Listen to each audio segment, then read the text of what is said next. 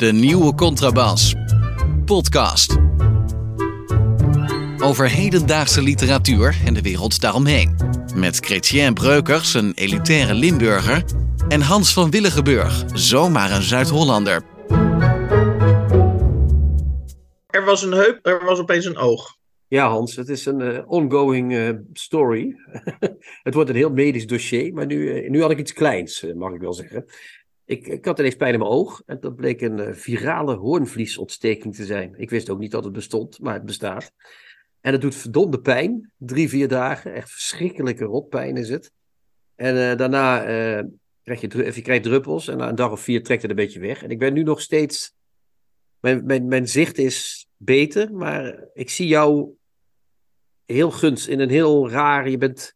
Oh, in een heel gunstig daglicht dacht ik. Ja, dat, waar ik was, ik, dat slikte ik eigenlijk te laat in. Ik bedoel te zeggen, ik zie alle mensen in een soort omtrek. dat, dat zie ik. En, daar, en verder zie ik alleen, ja, ik weet dat jij het bent, omdat ik je goed ken en zo. Maar, eh, Er, er is geen verband tussen de heup en het oog. nee, dat heb ik ook gevraagd aan mijn, aan mijn eh, eh, oogarts, dokter Wong. Waarvoor dank, dokter. Dank u, dank u. Eh, of dat verband zou kunnen hebben. We zeiden, nee, dit is puur toeval. Dus echt pech hebben. Dat is gewoon, eh, dit heeft Ja. geen eh, effect. Het trekt ook vanzelf weg, zei hij. Maar als ik wil lezen, moet ik ook echt zo wat boven op de tekst zitten. Dus we gaan het zien het gaat Het zijn, het zijn geïsoleerde Ja. ongemakken. Ja. Het is gewoon ongeluk. Ik hoop nu wel dat het afgelopen is met het gesodemieter. Want ik ben het nou wel zat. Jij stuurde mij gisteren, ik, pro- ik probeer altijd zo vers mogelijk te beginnen. en dat betekent dat jij mij gisteren, dus één dag voor de opname, Ja. eh, je stuurde mij een stuk op van Sarah Meuleman. En ik ken Sarah Meuleman als een, als een inderdaad eh, een, eh, een dame, een blonde dame, die een aantal volgens mij hippe boeken heeft geschreven die niet zo heel erg aanslaan. En nu sloeg ze eh, misschien van de weeromstuit aan in het parool. En wat, eh, wat had ze te melden? Nou, Sarah Meuleman luidt de noodklok, Hans. Alweer. Eh, eh, maar ze luidt het op een aparte manier deze keer. Eh, ze is inderdaad bijna van onze leeftijd, zou je toch kunnen zeggen, of niet? Nee, ze is van 1975. 77, 12 jaar jonger. Maar ja, ze is nog van de tijd van vroeger, zal ik maar zeggen. Het is niet, het is niet hip en happening zoals van in de 20 of in de 30, toch? Dat is niet meer. Ze is wat, wat ouder, dus zeg midden 40. Ehm, en ze schrijft een stuk waarin ze, zoals gewoonlijk tegenwoordig, de noodklok over de literatuur behandelt. Hè? Ja, Eh, ik heb de- een aantal cruciale termen. ja, dat wou ik net. Nou, begin jij maar Ja. dan met de cruciale term, want ik wou zo De, gaan doen, maar ik de- denk de aantal cruciale termen wat ik erin heb gevonden is cultuurpessimisme. Komt er gewoon ik wel een aantal keer in voor. Ja, Machts, machts, eh, om even een indruk te geven van welke kant dit opgaat. Cultuurpessimisme, machtsverhoudingen en Elvis Presley haalt ze er ook bij. Ja, nou, ze heeft het over eh, wat, wat er vooral, waar het vooral over gaat, volgens mij. Maar het is een warrig stuk, geef ik eerlijk toe.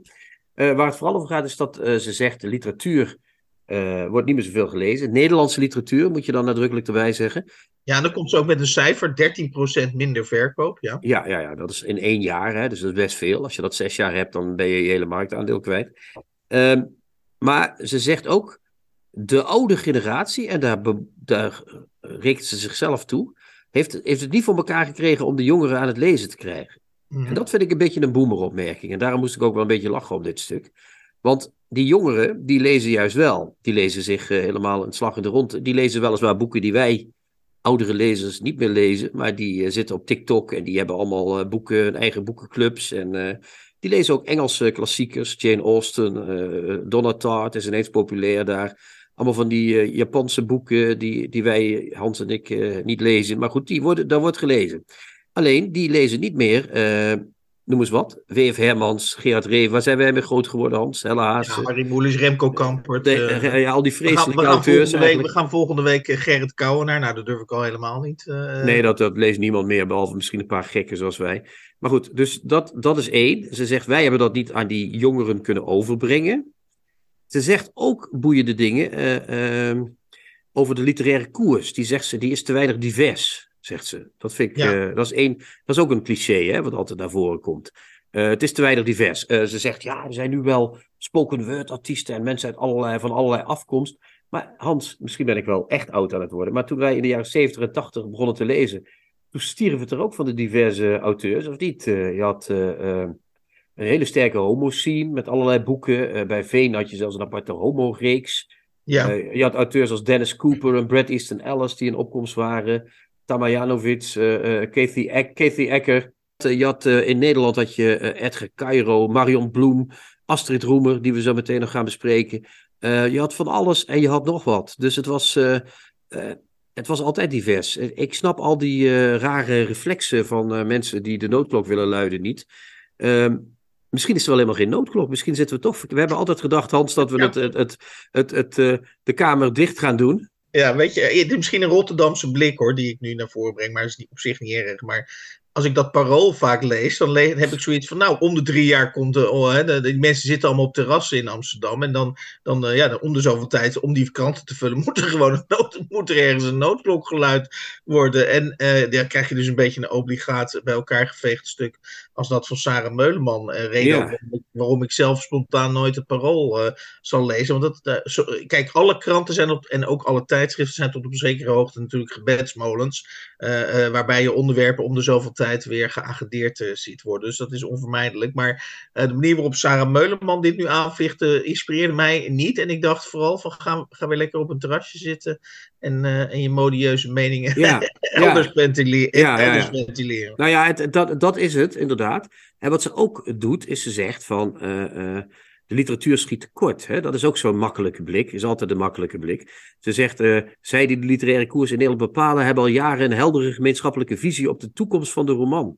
Meebuigen met de wensen van de nieuwe generatie wordt vooral als een laffe knieval beschouwd, zegt ze. Oh ja. Maar dat, is maar dat is aantoonbaar niet waar. Al die uitgevers zoeken wanhopig naar iets nieuws en aansluiting met de nieuwe markt. Die zijn juist de hele dag bezig met meebuigen. Ik weet niet waar op welk terrasje, uh, welke Chardonnay uh, uh, Sarah Meuleman gehad heeft.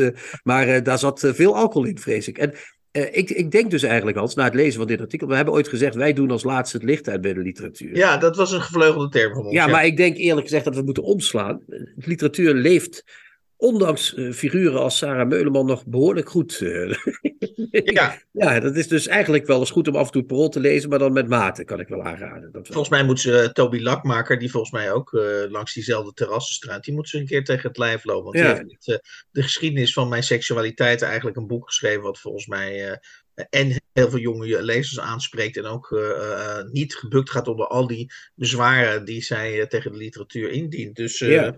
Maar ook het idee dat er iets vaststaands is in de literatuur en dat er iets niet is en dat er iets moet zijn met jongeren en dat we dat niet doen. Het is allemaal van een diepe, diepe treurigheid. En dat zijn dan toch mensen die notabene boeken schrijven en die er toch, zou je denken, een beetje mee bezig zijn.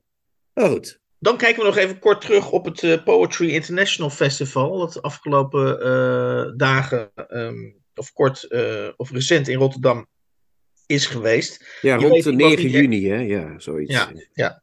Uh, je weet, ik was niet heel erg te spreken over, over die nieuwsbrief die ik van hen kreeg. Ik heb, ben terug, of, ik heb eerder besproken uh, die zin, there's a poem, there's a poem for that.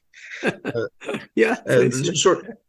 Een soort, du een, een soort duizend, duizend dingen doekje. Wat, wat po poëzie is voortaan een duizend dingen doekje. Met andere woorden, of het nu een sausvlek is of een, of een uh, ander soort, soort gevlek. Je kunt er altijd. trauma of zoiets. Ja, ja met, met poëzie. met dus poëzie valt het allemaal weg te vegen. En nu kreeg ik ook nog een nieuwsbrief waarin de poetry uh, in een werk was, veranderd. Dus vlak voor het festival kreeg ik een aankondiging. Time, hè, dus met andere woorden, time to poetry. Uh, tijd om te gaan gedichten. Om, om het maar even op zijn, op zijn mooi Nederlands te vertalen. Ja, ik werd er een beetje. Ja, het is, het is, maar misschien is, dit wel, misschien is dit wel wat Sarah Meuleman helemaal in vervoering brengt. Van nee, inderdaad, eindelijk die knieval. Ja, ik denk het ja. Ik denk trouwens dat Poetry een mooi festival zal zijn om Sarah Meuleman uh, nou, ritueel te verbranden. Gaat te ver natuurlijk, dat doen we niet. Maar uh, om, daar, om die misschien als hologram te projecteren en daar dan uh, leuke gedichten mee te doen met Sarah Meuleman. Denk je niet dat dat de Poetry Sarah Meuleman. Dat we dan dan een soort hologram krijgen en dan kun je gedichten schrijven over haar. En over wat er moet gebeuren met de literatuur. Dan zijn we eruit, dan hebben we alles rond. Het is een soort, je hebt het merk uh, Solo van de Aldi. Hè? Dat is het uh, merk, voor, uh, oh, voor, ja. voor, tissues en wc-papier. Ja, jij komt natuurlijk al jaren niet meer bij de Aldi, Hans. maar ik wel. maar dat Solo, dat doet mij aan denken. Aan, aan het merk Solo. Okay. Voor, voor okay. doekjes, ja.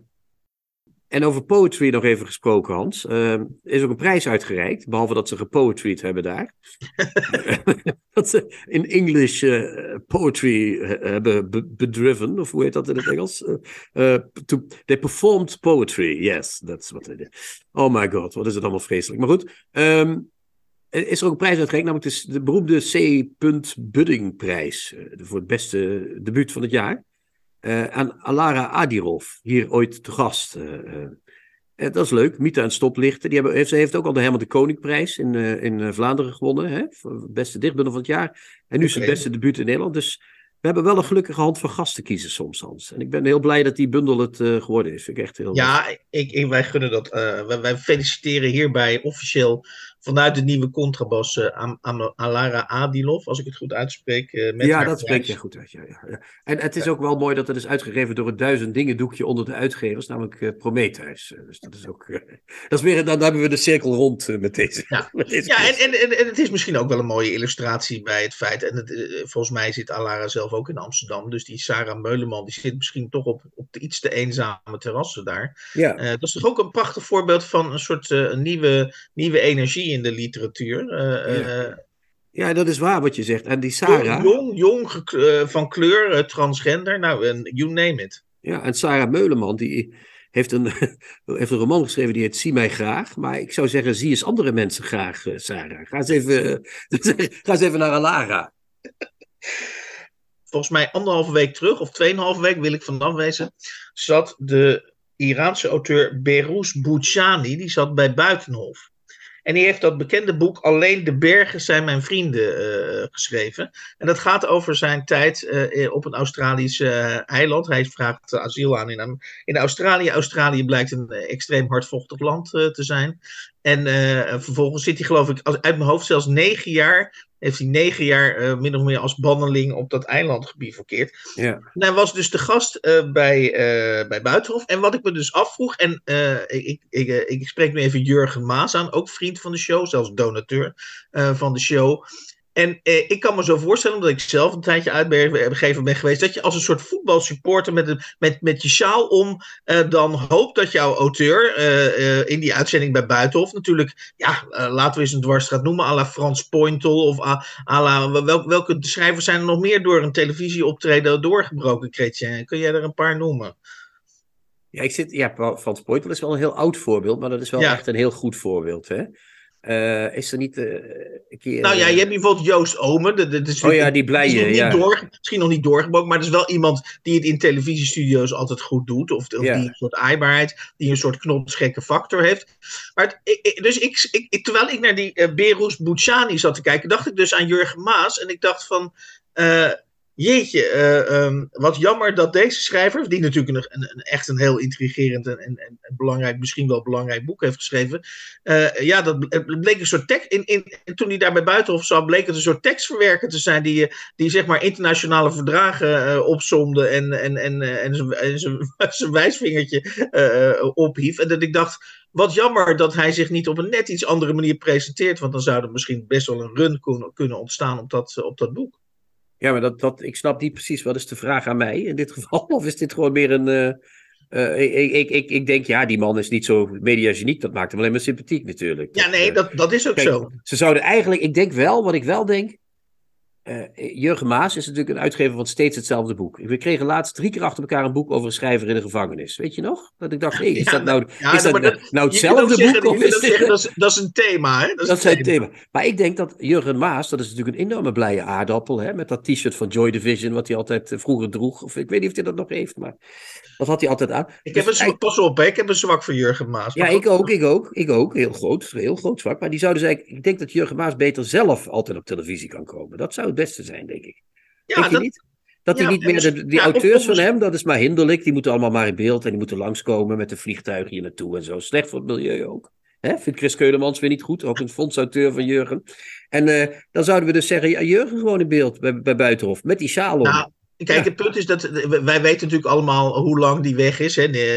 Eus heeft die hele weg inmiddels afgelegd. een hele lange weg naar het presenteren van een boekenprogramma op de televisie. Hè? NPO, allemaal keurig in kannen en kruiken. Dus ik zou Jurgen Maas, als je dit, want ik vind het helemaal niet zo gek verzoek van jou, of helemaal niet zo gek idee. Maar dan zou ik zeggen, Jurgen, inderdaad, waarom ga je geen vlogjes maken? Of, ja. of enthousiast, zo blij. filmpjes over de boeken die je uitgeeft. Want in mijn ervaring met jou is ook dat, ja, inderdaad, dat ben ik met, met Chrétien is altijd vol enthousiasme weer nieuwe boeken aankondigt. En volgens mij, als je dat in beeld krijgt, dat, dat is best aanstekelijk.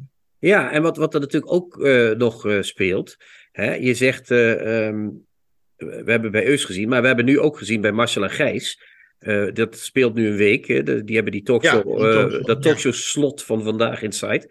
Je kunt ook om, om je eigen boek een, een hele campagne heen bouwen, zoals Marcel gedaan heeft met die talkshow. Ja, dan helpt het wel als je 80.000 volgers hebt of 100.000. Ja, precies. Maar, maar, maar dat, waarom niet uh, dat voorbeeld gevolgd? Niet langer meer al die programma's met die verschillende schrijvers, maar gewoon één, uh, één vast aanspreekpunt. Ja, veel beter. Komt Jurgen, we zien het helemaal in je zitten. Ja, dus we, ja, Jurgen bij, elke week bij Buitenhof met weer een andere gevangenisboek. Ja, ja want ik vind even, even voor de duidelijkheid, ik zou het echt heel, heel, heel erg jammer vinden. En alle uitgevers hebben het denk ik moeilijk. Ik, ik denk zo, misschien hij ook. Jurgen Maas zou echt, vind ik, echt gemist eh, worden. Ik heb nog één klein slotonderwerp. Onder invloed van uh, kritische, kritische geluiden over de sfeer.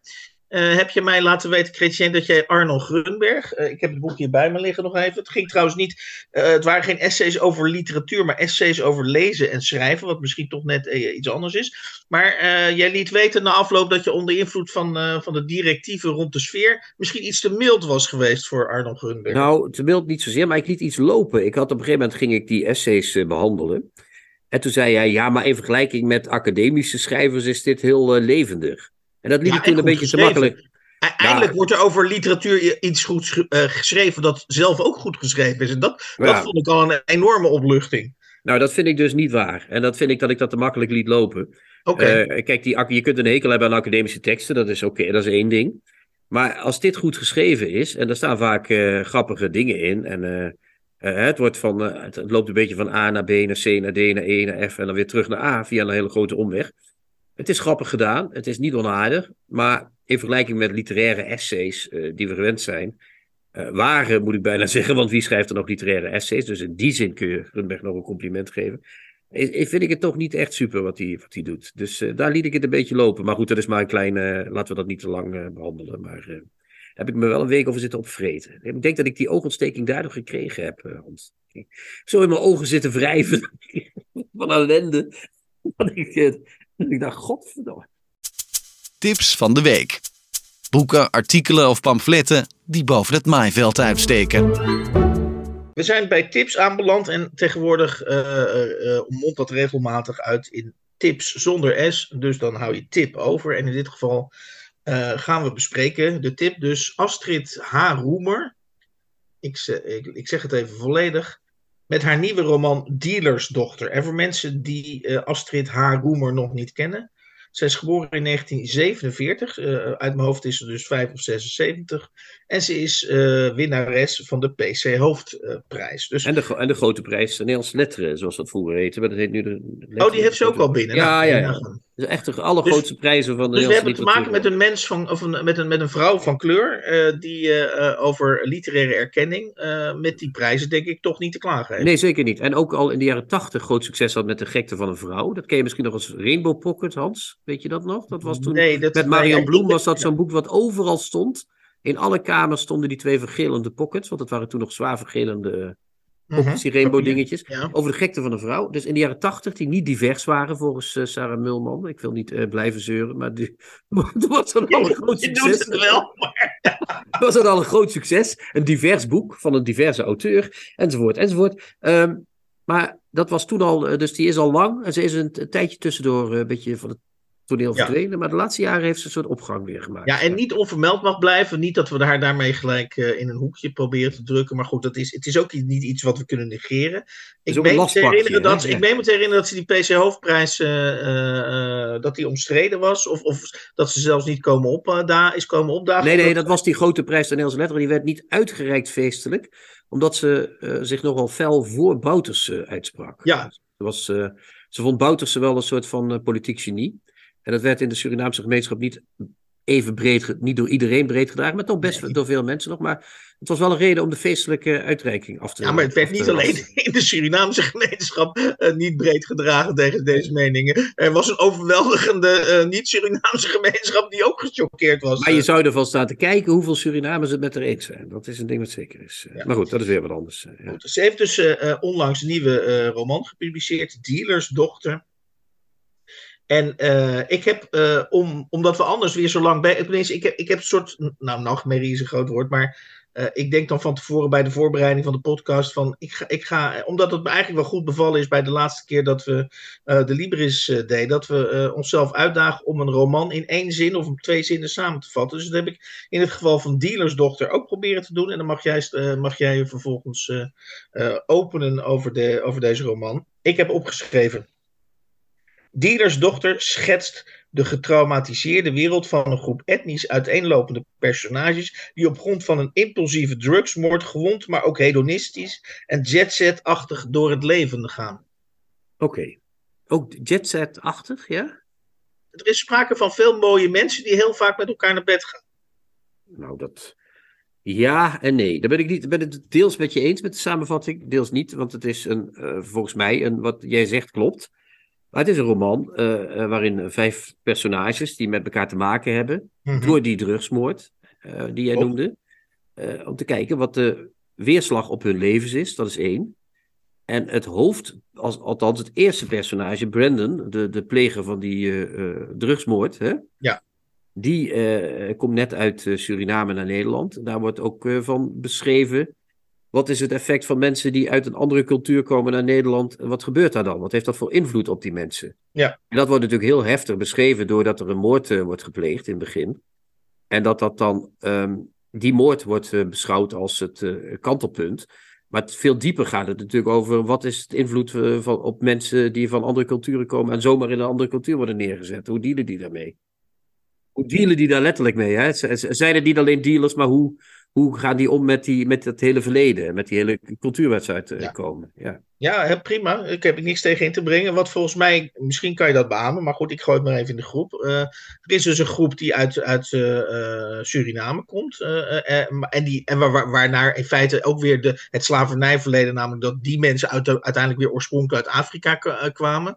En dus dat is de ene groep mensen. Aan de ene, ik zou bijna zeggen aan de ene kant van de drugsmoord. En aan de andere kant van de drugsmoord heb je Russische, een, een groep, een, zeg maar een familie die Russische invloeden heeft. En, en, en, en wat ik interessant vind aan deze roman, en, en ik heb er heel veel kritiek op, maar ik kan ook niet ontkennen dat er interessante thema's in zitten, uh, is dat Nederland in feite als een soort, uh, ja, dat is een soort, op zich natuurlijk logisch, als een soort vlucht, als een soort, hè, volgens mij zegt de moeder van die Brandon, of in ieder geval die vrouw van Brandon, ben ik even vanaf zijn, en Nederland is een land waar je in ieder geval altijd een dak boven je hoofd hebt, hè. je kunt er in feite rustig leven, zonder dat je je de hele dag hoeft af te vragen hoe, hoe morgen eruit zal zien, en waarvan je in, je kunt voorstellen dat in Suriname, in Rusland, in Rusland wordt het zelfs door mensen die jarenlang in Rusland hebben gewoond, een van de kwaliteiten van Rusland wordt opgenoemd, dat je niet weet hoe, hoe morgen eruit, dat je zelfs ochtends niet weet wat je s'avonds gaat meemaken, en, en dat Nederland dus eigenlijk een oase van uh, uh, emotionele, maar ook sociaal-economische rust is. Dat is waar, ja, daar heb je groot gelijk in. Het is die Brandon,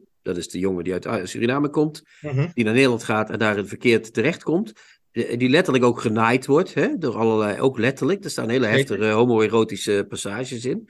Uh, uh, en Boris, dat is de jongen die uh, allerlei drugscontacten uit het oosten heeft, zou je kunnen zeggen. En, ja, dat is dus de Russische connectie. Ja, ja wiens, de, wiens vrouw vermoord wordt. Dus ja. laten we zeggen, de oude West en het oosten vinden Mhm. elkaar in Nederland. En daar gaat, wat, wat, waarom zijn die mensen hier? Wat is het, wat is de wat is het doorleven van die mensen? Hoe, hoe, komen die hier terecht? En wat gebeurt er allemaal als die geconfronteerd worden met Nederland of met elkaar? Dat is eigenlijk wat Ja. ze doet. Ze zet die mensen onder een potje en dan laat ze. Wat, wat gaat er allemaal gebeuren als we hier met die Nou mensen? goed, tot, tot zover kunnen we het grotendeels Dat volgens is de literaire kant van de zaak, zal ik maar zeggen. Ja, maar dan, maar dan kan je op een gegeven moment, eh, en jij hebt dat ook verschillende keren in de podcast gedaan, dus ik permitteer me die vrijheid ook, om, om deze, dit boek op, af en toe op zinsniveau was het echt gruwelen bij dit boek. Ja, dat, dat vind je, hè? Maar Ik ga je de kans maar, geven dat, ja, maar eh, ik ga ook met een aantal voorkomen. eh, Ja, ik weet, niet, ik weet bijna zeker dat ik het niet met je eens ben, maar we gaan het proberen, Hans. We gaan het doen. Ga maar, kom maar. Eh, eh. de zin, zijn kop stond geen sinds naar seksgenot. Ja, ja, ja, ja. Maar wat is daar precies zo erg aan? Ja, maar even serieus. Ja, maar dat zegt niemand meer natuurlijk. Nee, maar het is hier iemand. Het, uit welke bladzijde is dat? Even serieus. Ik, ik Eh, serieus op dit was pagina, volgens mij, even kijken, pagina eh 40. Ja, dat is die Brandon dus, hè?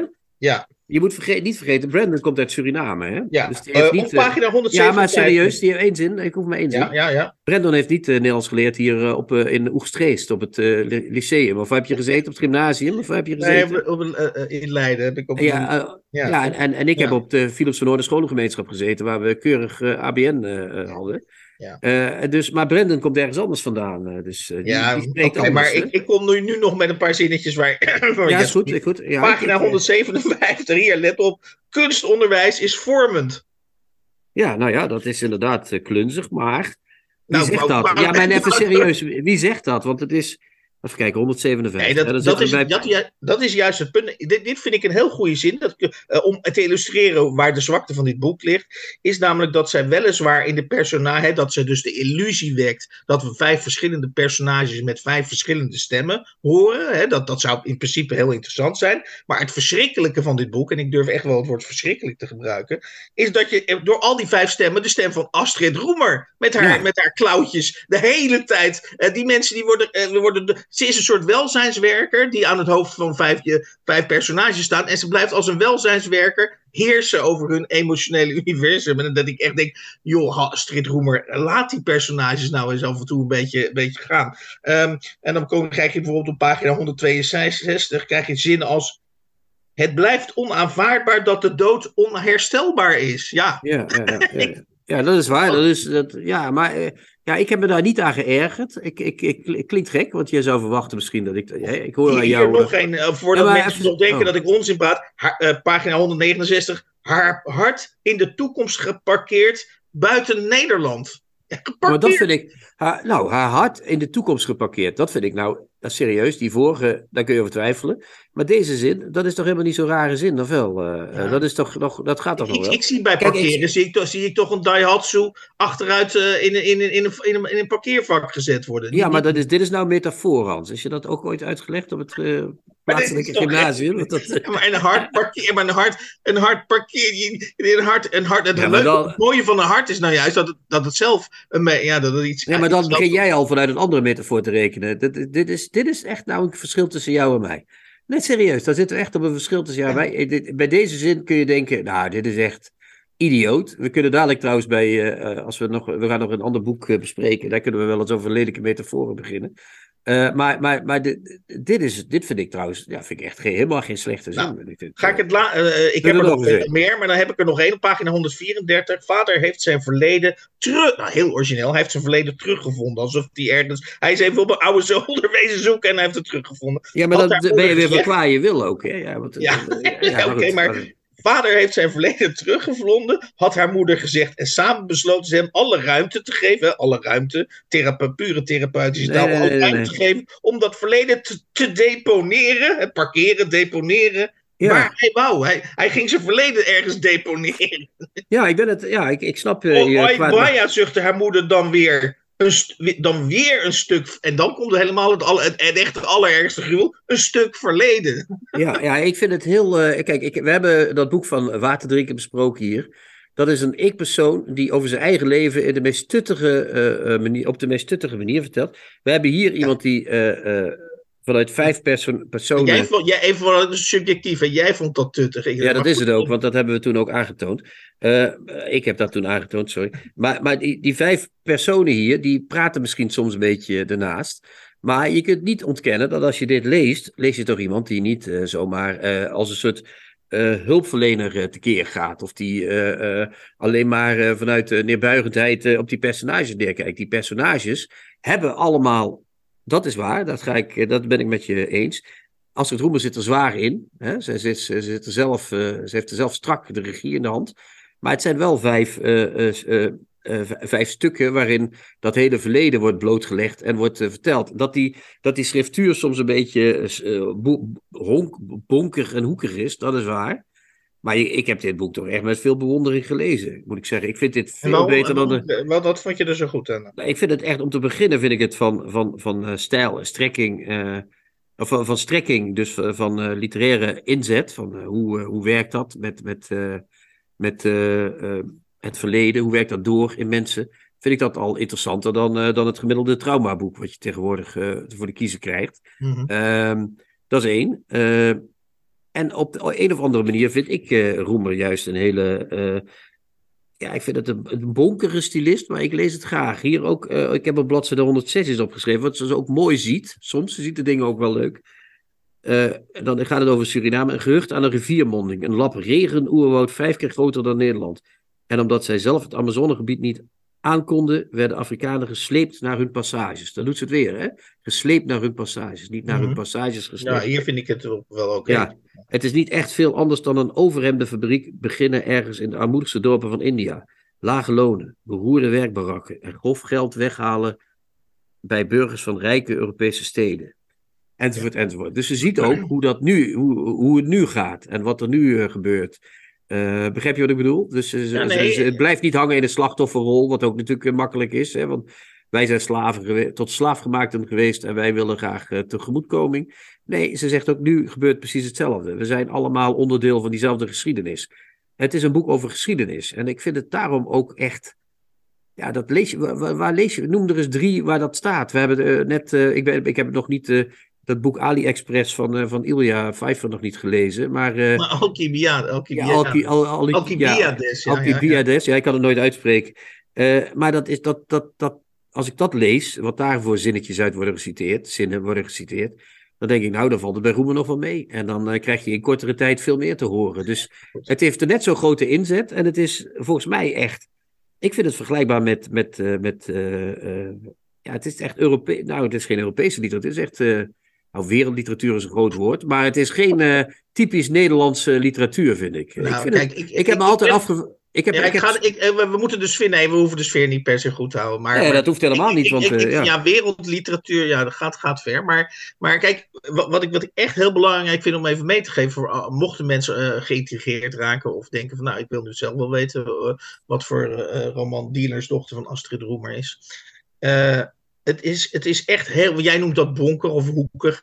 Uh, als je dus door die bonker of hoekige stijl, waar ik in het begin echt krankzinnig gek van werd. Maar ja, ja ik, ik, had beloofd dit boek te gaan lezen voor de podcast. En dat is natuurlijk in die zin heeft, die, is de, heeft de podcast zijn waarde aangetoond. Want omdat we die podcast maken, heb ik het helemaal, heb ik me over die stijl, uh, verschrikkelijke stijl heen. af en toe vreselijke stijl, niet altijd, maar, maar in groot stukken. Vind jij, hè? moeten we dan erbij zeggen? Ja. Heen, gezet. En ik moet eerlijk bekennen, en dat, die, dat punt geef ik jou, of geef ik jou, of geef ik het boek, of geef ik Astrid Roemer. Dat naar het einde, want waar ik eerst nog bang was dat de, dat de mythe van de nobele wilde, uh, zeg maar, in dat boek wordt uitgeserveerd. En er zijn in het begin allerlei aanwijzingen dat dat uitgeserveerd gaat worden. Moet ik toegeven dat ze het aan het eind, uh, als ze dus zowel aan de Surinaamse kant als aan de Russische kant, zeg maar, de jongste telgen uit die familie, die dus inderdaad uh, met, de, met de emotionele naweeën van die drugsmoord te maken hebben. En die twee personages krijgen dan ook weer onderling in hun persoonlijke leven met elkaar te maken. Dan groeit het boek, dat ben ik namelijk wel met je eens, dan groeit het boek helemaal aan het eind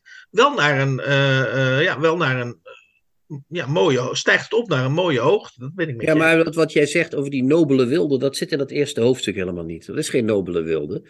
Dat is een jongen die totaal uh, uh, van God losraakt, omdat hij aan de drugs gaat en omdat hij uh, met de verkeerde jongens omgaat. Dat is geen nobele wilde. Dat is een, dat is een ding wat jij op dat boek legt nu. Dat is eigenlijk, een, als we het heel streng zeggen, dat is een racistisch uh, raster wat jij over dat eerste hoofdstuk heen legt. Uh, okay. Ja, dat vind ik wel. Want dat staat nergens in het hele boek niet. net zoals nee, die natuurlijk, Boris. Staat, nee, natuurlijk staat er niet letterlijk ja, maar dat, het, wordt ook nergens gesuggereerd dat het een nobele wilde is. Er wordt ook gezegd door zijn familie de hele tijd van jongen, kijk uit en uh, pas op. Hij wordt wel degelijk in de, hè, ze proberen hem wel degelijk in het gereel te krijgen. Mm -hmm. Met dat meisje waar die mee zou moeten gaan. Hè, ja. Waar hij dan ook dat kind bij krijgt die later nog aan het woord komt. Uh, dus die dochter bij krijgt hij later. Dus dat mm -hmm. is niet, jij zegt dat. Het is in jouw hoofd zit die nobele wilde, Hans. En daarom zijn die boeken van Roemer ook goed. Die kunnen dat eruit halen, al die uh, vooroordeeltjes die je daar in Oestgeest mm -hmm. uh, dus jij hebt, nergens... hebt opgedaan. Dus niet... Ik chargeer nu net zo hard als jij, hè? dus dat is, ja. Oké, okay, maar... dat kan ik ook. ja.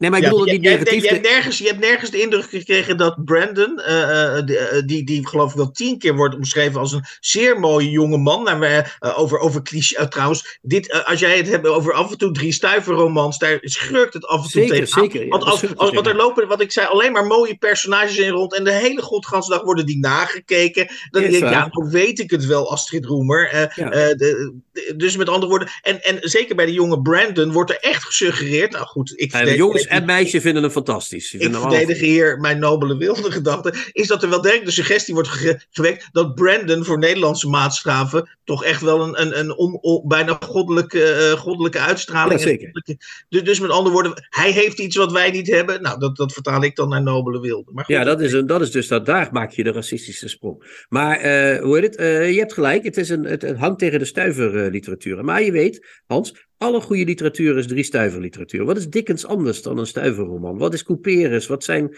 Wat Kees het Hart zei het laatst, we moeten de pulp weer omarmen en kijken wat daar voor goed uit komt. Dus alle goede literatuur is ook inderdaad drie stuiverliteratuur. Oké. Geen Sarah Meuleman, maar gewoon drie stuiverliteratuur, Hans. Dat is wat we Ik, zeggen. eh, ik, Ja. ik, ik leg het eh, moederhoofd in de schoot. eh. Dat hoeft helemaal niet, want dan krijgen we dadelijk weer ingezonden brieven dat hij depressief wordt.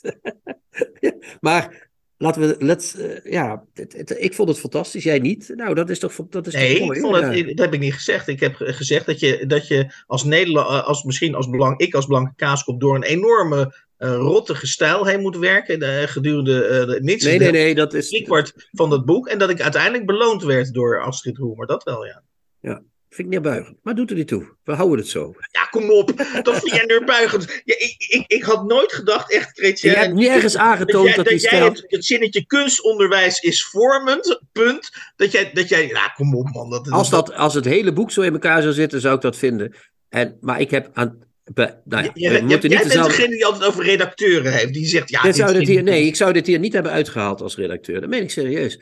Ik, ik zie, Kunstonderwijs is vormend. nee, dat zou ik er niet uithalen hier. Ik zie dat bij Roemer als, onder, ik zie het bij Roemer als onderdeel van de schriftuur. Om maar eens een duur woord van stal te halen.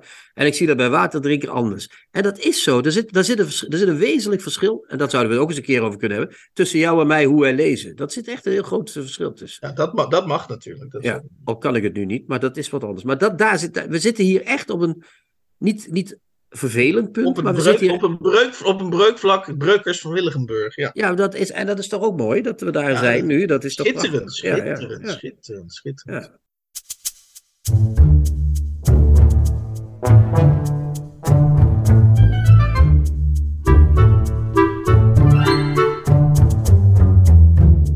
Eh, dit, dit, dit, laatste item heeft een wat bijzondere, meer, iets meer eh, eh, voorgeschiedenis die ik even kort uitleg. Eh, wij hebben in de aflevering die we vanuit eh Zeist hebben gemaakt, vanaf de recensentendag. Ik kreeg jij gaat nu even opzoeken welke, welke aflevering dat was. Ja, Heimwee naar Gerrit Kommer, aflevering 94.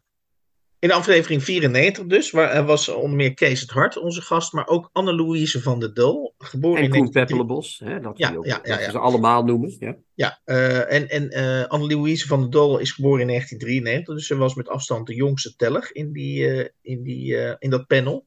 Van eh, zeer En oude zij- tot oude zij. En zij sprak toen, nou ik wil niet zeggen legendarische woorden, misschien waren ze juist helemaal niet legendarisch, maar op een of andere manier zijn ze wel bij ons, eh, in ieder geval bij mij, maar bij jou ook volgens mij, Chrétien, blijven hangen. Dat zij een dringend beroep deed op het feit dat de eh, eh, kritiek gewoon wat redelijker, hè? net zoals, we, zoals mensen op een gegeven moment aan tafel gaan zitten en dan eh, redelijk tot een soort compromis komen, had zij zoiets van, eigenlijk mag er wat mij betreft ook wel meer redelijkheid in de kritiek Ja, komen. en wij vielen haar daar toen, ik vooral, viel haar toen een beetje op aan. Van nou, nou, moet dat nou zo nodig? Dus wij hadden haar een beetje als een soort redelijk alternatief. We hadden haar als D66-critica. eh, ik had haar als een soort D66-critica ineens Ja, eh, gezien. wij zijn daarin genadeloos inderdaad. Ja, Eh, maar dat bleek dus toch, Hans, want dat is het bruggetje. Hè, dat viel wel mee, want wat kreeg jij in handen ineens? Ja, ik kreeg op een of andere manier in handen de Poëziekrant. En daarin eh recenseert zij de, nieuws, of de, de eerste, de debuutbundel van Philip Huff. Uh, luisteren naar de titel, dat heb jij voor. Ik ik, me- meld, Mij af, Ja? ik meld mij aan. Ik meld mij af, ik meld mij aan. In, in Almelo is uh, altijd wat te doen. Hè? Is je kunt veel zeggen van de, over de recensie van Anne-Louise van den Dol over deze debuutbundel van Philip Huff, maar niet dat ze zich er, ergens de indruk wekt dat ze redelijk is of zich inhoudt. En ik ga dat eventjes... Ja, lees maar eens wat lekkere passages voor. Ja, ja. dus uh, nogmaals, uh, de debuutbundel van Philip Huff is hier het onderwerp. En dan schrijft Anne-Louise van den Dol, de door ons eerder per abuis tot D66 critica gekroond. Dat blijkt een enorme bitch te zijn, die gaat helemaal los. Ga maar eens even vertellen wat ze zegt. Lange tijd zocht, ik vind het namelijk ook een, ik, dat kan ik haar niet, dat zeg ik al op voorhand, ik vind ook de manier waarop ze deze bundel uh, uh, in vieren deelt, mag ik wel zeggen, vind ik ook echt leuk. Ik vind ook dat ze het leuk opschrijft.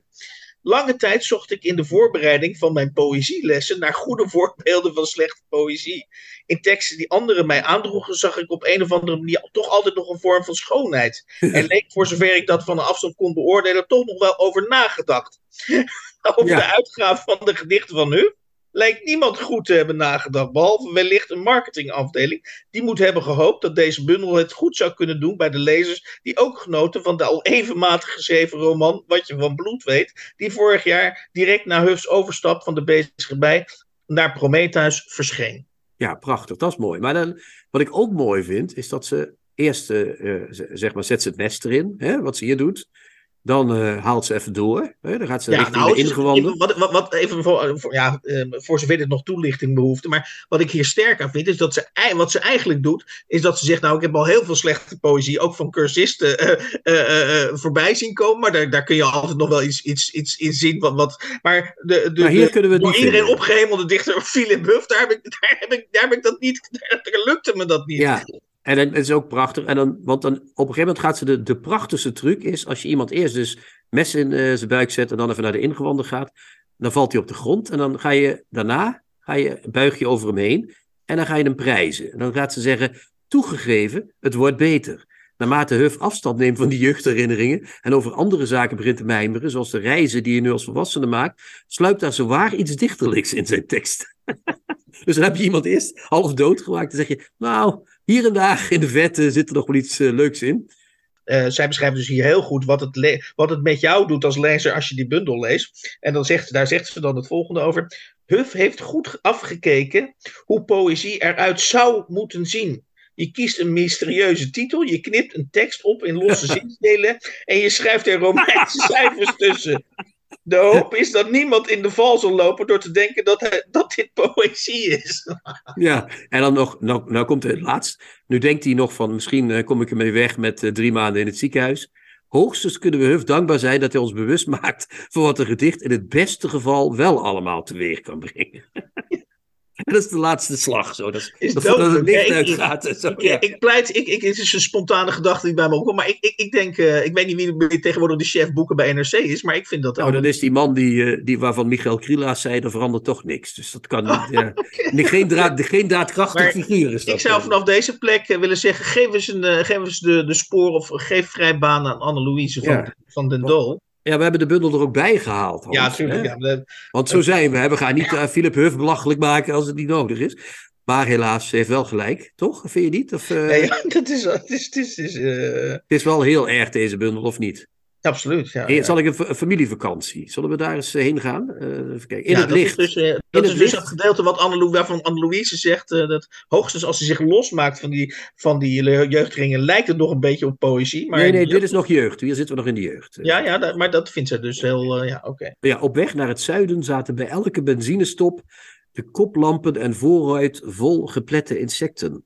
Mijn vader haalde een watertrekker over het plastic en het glas, gooide de spons terug in het massagraf. En dit is dus inderdaad. eh, zet, zet proza-regeltjes met een. eh, hè, doe er af en toe een enter tussen. Eh, verzin een metafoor voor een massagraf. Hier zie ik nog bijna een vakantietafereel. Verrassend. Ja, maar dat is toch heel cliché ook allemaal. Ja, ja, maar wat dacht je van eens eiland? Wat dacht je van dit? Het eiland. Mm. Toen het verdriet niet meer zo heftig was dat je amper kon ademhalen, kwam een andere pijn je borstkas gezelschap houden. Ah, ja. Bij dat, bij dat hart van Astrid Roemer kan dat dan eh, geparkeerd worden. Ja, maar dat je ook niet, eh, denkt aan welke pijn dan. En dan weet je wel, en, en, en, weet Ja. je wat het... Het is verschrikkelijk. Hier ook, hij heeft ook wel eens dat hij mensen ziet in het buitenland. In New Delhi zag ik een oude man op een vluchtheuvel tussen de razende auto's door hun giftige gassen hun roet en zwavel heen slapend. Dat is toch mooi, hè? Dat hij daar zo'n oude man ziet. Die daar gewoon ligt te slapen midden op de snelweg. Ja, Hans, het, er, kunnen, er gebeuren hele erge dingen op de wereld. En wie, en wie zegt dat tegen ons? Vroeger deed Willy Brood Fricair dat met Brandpunt. Maar tegenwoordig hebben we Philip Huff, die, uh, die, uh, ja. die daarheen gaat en die maar, dat dan maar toch noteert. heb ik het gevoel dat als we nog twee of drie citaten erbij zouden doen, dat we uh, onder een significant aantal luisteraars misschien de reacties, die, die zullen misschien zeggen, nou, misschien moet die bundel wel gaan lezen. Nou, dat moeten ze vooral doen. Maar uh, ik zou, uh, dat is toch echt mis, dat is echt geld weggegooid. Uh, maar ze moeten natuurlijk, iedereen mag het zelf weten. Waarom zouden mensen hiervan denken dat ze het moeten gaan lezen trouwens, Hans? Ja. Dan heb je toch wel een rare idee van onze, toch of niet?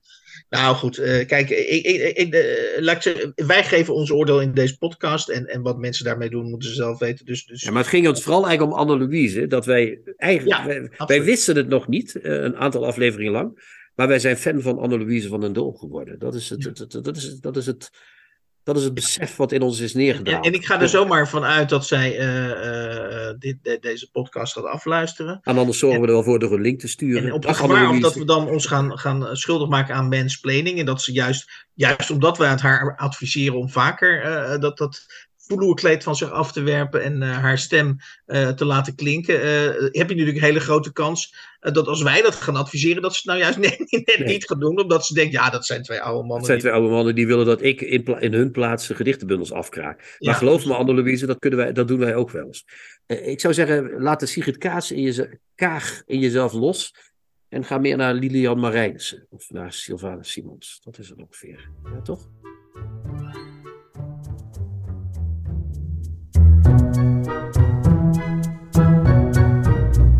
De nieuwe Contrabas. Podcast.